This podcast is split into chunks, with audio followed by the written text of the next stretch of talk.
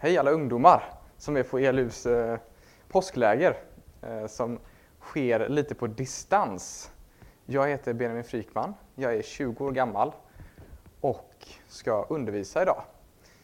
Eh, jag läser Stranda med de flesta av era ledare, alltså Zacke, Emilia, David, Patrik, Hilde, Johannes, Emma. Glömde jag någon? Nej, ja, glömde jag någon så förlåt. Men Eh, det var förra året. I år läser jag teologi vid Lunds universitet, så jag är på andra terminen nu. Och jag ska idag prata, jag fick rubriken Basic Bible med ben, Benji. Eh, och vi kommer då att prata om bibelläsning och vi kommer att prata om bibelläsning in, innanför ramen av personlig andakt. Så den personliga andakten får väl vara eh, lite fokus också. Och jag tänkte börja med att bara snabbt prata om personlig andakt eller egen tid med Gud i Bibeln. Alltså stöt, stöter vi på det där och det, det kan jag säga ganska snabbt att det gör vi. Um, Jesus går vid flera tillfällen uh, iväg från uh, lärjungarna, folkmassor, för att ha egen tid med Gud. Uh, till exempel Matteus 14 möter vi det. Eh, när Jesus hörde detta drog han sig undan och for över sjön till ödesakt för att vara ensam. Ehm, och eh, flera andra tillfällen så nämns det också att han drar sig undan för att vara ensam och be. Eh, vi möter i Lukas 2.49 också att Jesus bokstavligt talat säger jag behöver spendera tid med min far. Och redan i templet då som liten så säger han det här. Så för Jesus så var det något självklart att spendera tid med Gud i, i bön. Eh, och det gör andra i Bibeln också. Lärjungarna fortsätter med det. I Gamla Testamentet hittar vi det också. Vi har Hanna, eh, mamma till profeten Samuel, som vid tillfälle beger sig till templet för att be. Eh, David skriver många salmer som finns i Saltaren sen och i Saltaren så är många av de här individuella, alltså gjorda för egen bön, alltså egen tid med Gud. Och det här, den här bibliska traditionen med personlig andakt fortsätter sen eh, tillsammans med, eller fortsätter i kyrkan sen och har fortsatt ända fram till idag.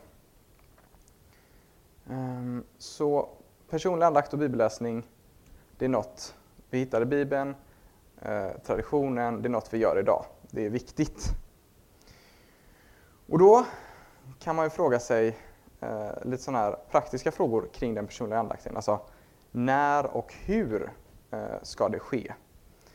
Och för att svara på när så har jag skrivit i mina anteckningar med stora bokstäver varje dag. Det är viktigt att varje dag be och läsa Bibeln för att bygga relation till eh, Gud, till Jesus, Fadern och Anden. Att möta Gud och få ta emot hans kärlek och nåd varje dag. Det är väldigt viktigt. Eh, sen om man vill göra det på morgonen eller på kvällen, det, det är lite mer personligt så det kan man avgöra själv. Men det är viktigt att det sker varje dag kontinuerligt. Och om vi då tar frågan hur, så skulle jag där vilja säga att alltså om du sitter, står, ligger ner, spelar inte jättestor roll. Men det viktiga är att man är i någon form av stillhet och att man är själv för att kunna fokusera på andakten så att man inte blir disträ och pillar med andat och eh, blir distraherad.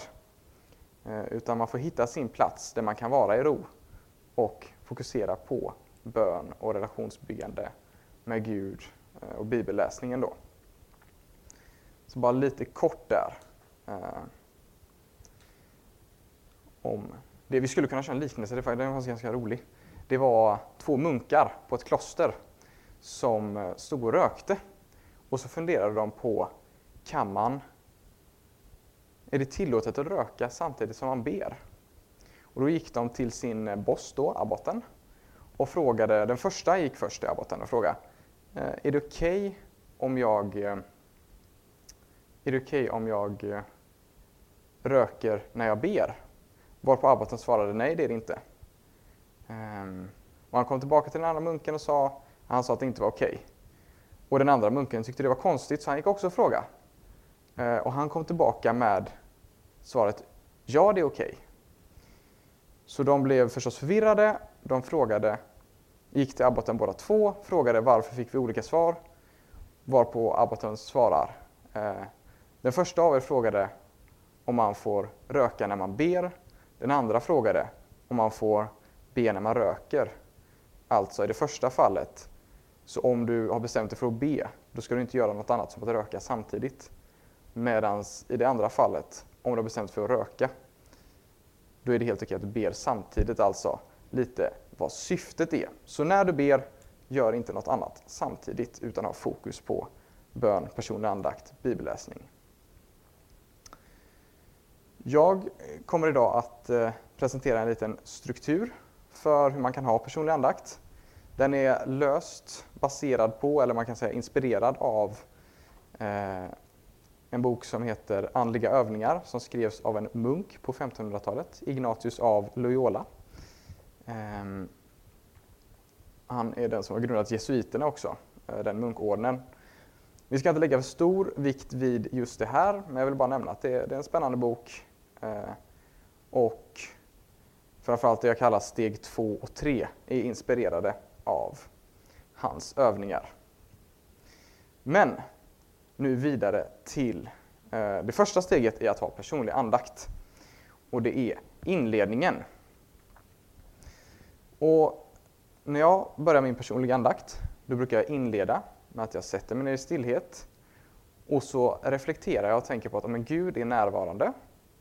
Eh, och när jag har tänkt på det och uppmärksammat det, då brukar jag välkomna in eh, Gud i andakten i mitt liv. Alltså, med någon fras som kanske Herre, jag välkomnar dig in i min personliga andakt i Faderns, Sonens och den helige Andes namn. Amen.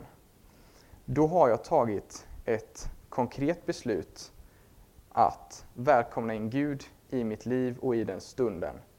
Vilket är något som är viktigt att man gör varje dag. För det betyder att man varje dag välkomnar in Gud i sitt liv. Ibland brukar jag också inleda med eh, en lovsång för att hitta lite fokus, eh, lugna mig, komma in i andakten. Men det är också lite personligt vad man eh, känner för där. Efter det så kommer det som är steg två i min andakt. Det kallar jag självrannsakan. Jag tänker över det senaste dygnet ehm, och Eh, tittar då på tre olika saker. Vad var bra? Vad var dåligt? Och har jag gjort något dåligt? Och samtidigt som jag tänker igenom det här så ber jag över det. Så för det som är bra, det tackar jag för. Det som är dåligt, det ber jag om hjälp med. Och det jag har gjort dåligt, det ber jag om förlåt för. Så då blir det den här principen tack, hjälp, förlåt. Eh, och konsekvensen av att tänka igenom och be över det som ligger på ens hjärta och som har varit eh, relevant under dygnet hittar vi i Filipperbrevet 4, 4 till 7. Eller mer specifikt kanske 6 till 7. Där står det Gör er inga bekymmer utan när ni åkallar och ber, tacka då Gud och låt honom få veta alla era önskningar. Då ska Guds frid, som är mer värd än allt vi tänker ge era hjärtan och era tankar skydd i Kristus Jesus. Alltså, den här självrannsakan, den här bönen ger oss en frid när vi får lämna det senaste dygnet, tankar, önskningar, liknande i Guds händer. Så det är en viktig del av eh, den personliga andakten. Och när jag gjort det här, då kommer steg tre som är, man kan säga att det är den stora punkten, kanske lite temat för idag, bibelläsningen. Om vi snabbt bara nämner eh, Ignatius andliga övningar igen, så kan man tänka att självrannsakan, det skedde en fjärdedel av tiden eh, som de pågick. Bibelläsningen var tre fjärdedelar, alltså resten av tiden la man på bibelläsning. Eh, och det är så viktigt som bibelläsning är. Alltså, det är något av det mest centrala vi kristna gör. För i Bibeln möter vi Gud, vi möter Jesus. Eh, vi lär känna honom, vi får formas av honom. Och därför är det en väldigt viktig del att ha med i sin personliga andakt varje dag. Och då har man i, eller mitt tips är att ha fokus på Jesus när man läser Bibeln. Eh, det är ju ändå Jesus som är lite piken i Bibeln kan man säga, det han gör. Eh, och I de här andliga övningarna så låg fokus på Gud som Guds son eh, och Gud själv, på Jesus lidande och på Jesus uppståndelse. I en personlig andakt kan det vara svårt att få med alla de här Eh, fokusgrupperna. Eh, det kan bli ganska mycket text att läsa om man ska göra det. Eh, vissa texter tar dock med allt, men man kan fokusera på en av de här om man vill då. Ehm, och det är då framförallt om man läser evangelier och nya testamentet som det är lättast att göra det här. Ehm, annars, om man vill läsa Bibeln mer generellt och inte ha fokus på just de här tre, så är det nyckelfrågor som man kan ställa när man läser en bibeltext för att förstå texten. Eh, så när man satt sig ner, hittat en bibeltext, eh, så kan man läsa den och sen ställa de här tre nyckelfrågorna för att förstå texten. Och den första frågan, det är vad händer i texten? Man sammanfattar snabbt i sitt huvud bara vad, vad var det som hände egentligen? Eh, vad var det som sades eller vad var det som gjordes? Fråga nummer två blir sen, okej, okay, vad betyder det för mitt liv? hur, hur talar texten till dig? Eh, man försöker tillämpa det som sägs eller görs på sitt eget liv. Eh, vi ska exemplifiera det här med en bibeltext sen, så det kommer bli tydligare eh, hur det går till. Och det sista är sen, vad betyder det för framtiden, eller vad ger det för framtidshopp eh, för mig? Eh, alltså, är det hoppet om himlen, eller att Gud är med mig, eller något liknande? Det blir också tydligare sen när vi exemplifierar. De här frågorna kan användas på alla bibeltexter. Det kan vara svårare i Gamla Testamentet för det kräver ofta mer förkunskap, eh, i alla fall vissa texter. Nya Testamentet är att rekommendera om man är ny som bibel läsare. Ehm, men de fungerar som sagt på alla bibeltexter. Och viktigt att komma ihåg också är att om det är så att du kör efter de här frågorna och inte kommer på ett svar eller du, inte, du, du förstår liksom inte amen, vad, är det här med, vad, vad är det här för framtidshopp. Haka inte upp dig på det. Eh, utan gå vidare. Eh, du kan fråga, om, om du vill kan du fråga någon äldre, mer erfaren kristen eller så bara lämnar du det. Eh, för du får nog med dig något ändå, även om du inte har eh, hittat svar på de här tre nyckelfrågorna. Man kan också använda en andaktsbok för att förklara ehm, eh, för att få en förklaring på bibeltexten om man tycker det är svårt. Eh, det kan också vara en bra början att man börjar läsa en andaktsbok. Men nu ska vi ta och eh, exemplifiera de här tre frågorna, hur man kan använda dem med hjälp av en bibeltext. Eh, vi kör en klassiker, Johannes 3.16. Så älskade Gud världen att han gav den sin enfödde son för att de som tror på honom inte ska gå under utan ha evigt liv. Och första frågan då, vad händer i texten? Okej, vi får veta att Gud älskar världen och han älskar den till den grad att han skickar sin enfödde son, Jesus, eh, för att rädda världen. Därför också veta att världen måste räddas. Eh, och alla som tror på honom kommer att räddas från att gå under, alltså att dö, till evigt liv. Eh, eller något värre än döden skulle kunna gå under betyda också. Så lite snabbt, det som händer, en kort sammanfattning. Vad betyder det här då för mitt liv? Jag har valt att plocka ut två punkter därifrån. Det betyder ett, att du är älskad eftersom att du är en del av världen. Eh, så betyder det att du är älskad eftersom Gud älskar världen. Nummer två, eh, du är räddad från att gå under till evigt liv. Och du är räddad av Jesus då. Eh, den troende är räddad. Och så sista frågan. Ja, men vad säger det om framtiden? Eh, jo, men det säger att i framtiden kommer det vara en undergång av något slag. Alltså några eller någonting kommer att gå under, men du som troende är räddad från det och du är räddad till ett evigt liv med Gud. Eh, och denna räddning gäller då i framtiden, det är vårt hopp. Så en ganska eh, enkel förklaring ehm, kan man väl säga. Yes. Och då har vi också en fråga, sista frågan nu angående bibelläsning.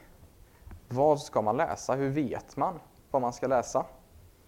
Jag använde lite kort, ehm, eller nämnde lite kort andaktsbok som förslag. Där kan man följa, det är många som är upplagda så att det finns en text per dag på året. Där får man en bibeltext, en bön och en förklaring. Kan man använda i sin personliga andakt, funkar jättebra i eh, de här, den här metoden som jag har tagit upp här. Man lägger in det här i, eh, i bibelläsningen. Um, eller så kan man ha en bibelläsningsplan. Det är också ett bra sätt. Och eh, jag har blivit ombedd att nämna ELUs bibelläsningsplan eh, nu. Och det handlar om att läsa Bibeln en kvart om dagen i, Eh, under ett helt år för att under ett år läsa ut hela Bibeln. Eh, och det är en stor rikedom, vill jag säga. Jag gjorde en sån bibelläsningsplan när jag var ungefär 16. Eh, jätteberikande. Jag fick läsa Guds ord varje dag. Jag fick läsa det på ett helt år. Jag fick ett fågelperspektiv. Jag fick med mig Bibelns berättelse. Jag fick se en röd tråd genom Bibeln samtidigt som jag fick lära känna Gud, Jesus, varje dag. Eh, så hett tips. Jag vet inte, vi kanske, ni som filmar, nu kanske kan länka det någonstans. De, ni, ni, får nog det någon gång under eh, påsklägret. Um, I någon form, tänker jag. Um, så hett tips kör en bibelläsningsplan för att få in uh, bibelläsningen varje dag. Det är också jättebra faktiskt. Jag själv är beroende av att stryka av saker från listor. Uh, och en bibelläsningsplan är lite som en lista. Va? Man stryker av det man läst. Eh, jättebra metod för att få in en vana. Så det är ett tips. Det gör det lättare också. Men nu är vi klara med eh, bibelläsningen i vår personliga andakt. Eh, då återstår ett steg kvar och det är ett avslutande ord. Något för att avsluta andakten. Och eh, man skulle exempelvis kunna använda ett väldigt enkelt, enkelt ord som ära vare Fadern och Sonen och den helige Anden. Så som det var av begynnelsen, nu är och skall vara från evighet till evighet. Eh, ganska kort, kort ord, eh, avslutat med ett amen också för att eh, markera att det är slut. Eh, man skulle också kunna använda en skriven bön till exempel. Eh, det finns jättemycket bönböcker. Eller så kan man använda Bibelns egna bönebok, Saltaren. Jättebra eh, bok för att eh, be med Bibeln. Ehm, vi har Fader vår förstås, eller Vår Fader, beroende på vilken översättning. Eh, så det finns många sätt att avsluta ehm, bibelläsning, eller alltså personliga andakten på. Eh, men ha ett tydligt slut och efter det så kan man gå och eh, ja, göra vad man nu ska göra. Jag har pratat en stund nu om eh, den personliga andakten, eh, babblat på ganska bra.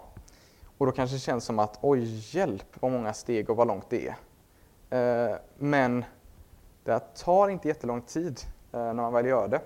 Utan det tar mellan 10 minuter en kvart. Om man då läser en bibelläsningsplan en kvart om dagen, då kanske det tar 20-25 minuter. Lite längre tid. Men det är fortfarande så att det är görbart på en dag. Man kan också, om man har den här bibelläsningsplanen, dela upp den under dagen. Att man tar ett bibelstycke som man läser under andakten och så resten kanske man läser senare på kvällen eller tidigare under dagen. Eh, så det går absolut att anpassa eh, så där kan man välja hur lång tid man vill lägga på bibelläsningen. Sen finns det förstås jättemånga fler sätt att ha andakt på också. Eh, jag har bara gett ett exempel eh, idag. Man kan ha mer lovsång. Det vet jag är mycket populärt. Jag själv kan lyssna på flera lovsånger under andakten också. Man kan varva med det. Eh, men idag har jag presenterat ett tips som jag har använt en hel del i min personliga andakt som funkat väldigt bra för mig. Ehm, och vi kan väl ta och sammanfatta det jag sagt idag också.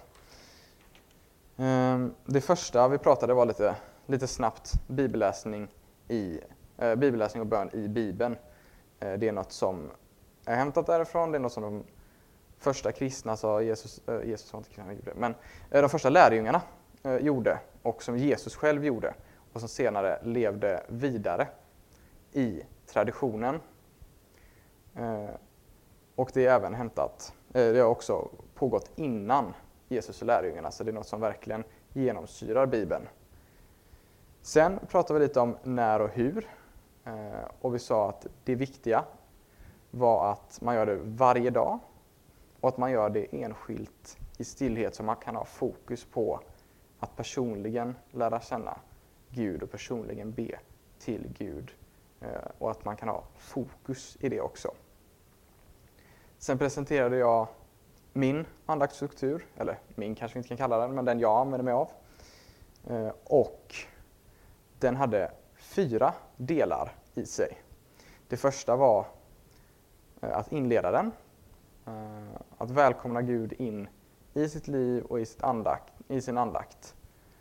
Den andra delen handlade om att, om en, en sorts självrannsakan, man tänker igenom det senaste dygnet, ber över det, tack, hjälp, förlåt var fokus där. Tredje steget var bibelläsningen. Eh, man läser en text och sen tänker man över den, alltså vad händer i texten? Vad betyder texten för mig? Och vad ger texten för framtidshopp? Eh, vi pratade även lite om eh, bibelläsningsplan och andaktsböcker, ett jättebra redskap för att veta vad det är Bibeln man ska läsa och för att förstå vad det är man läser också. Och det sista steget var att avsluta.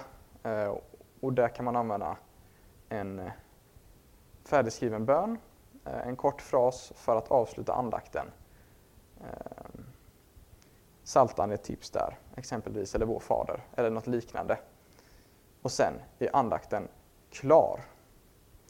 Och jag vill lämna er med ett sista eh, litet tips det är att prata med varandra, prata med äldre kristna också, för att ta reda på men hur gör de när de har personlig andakt?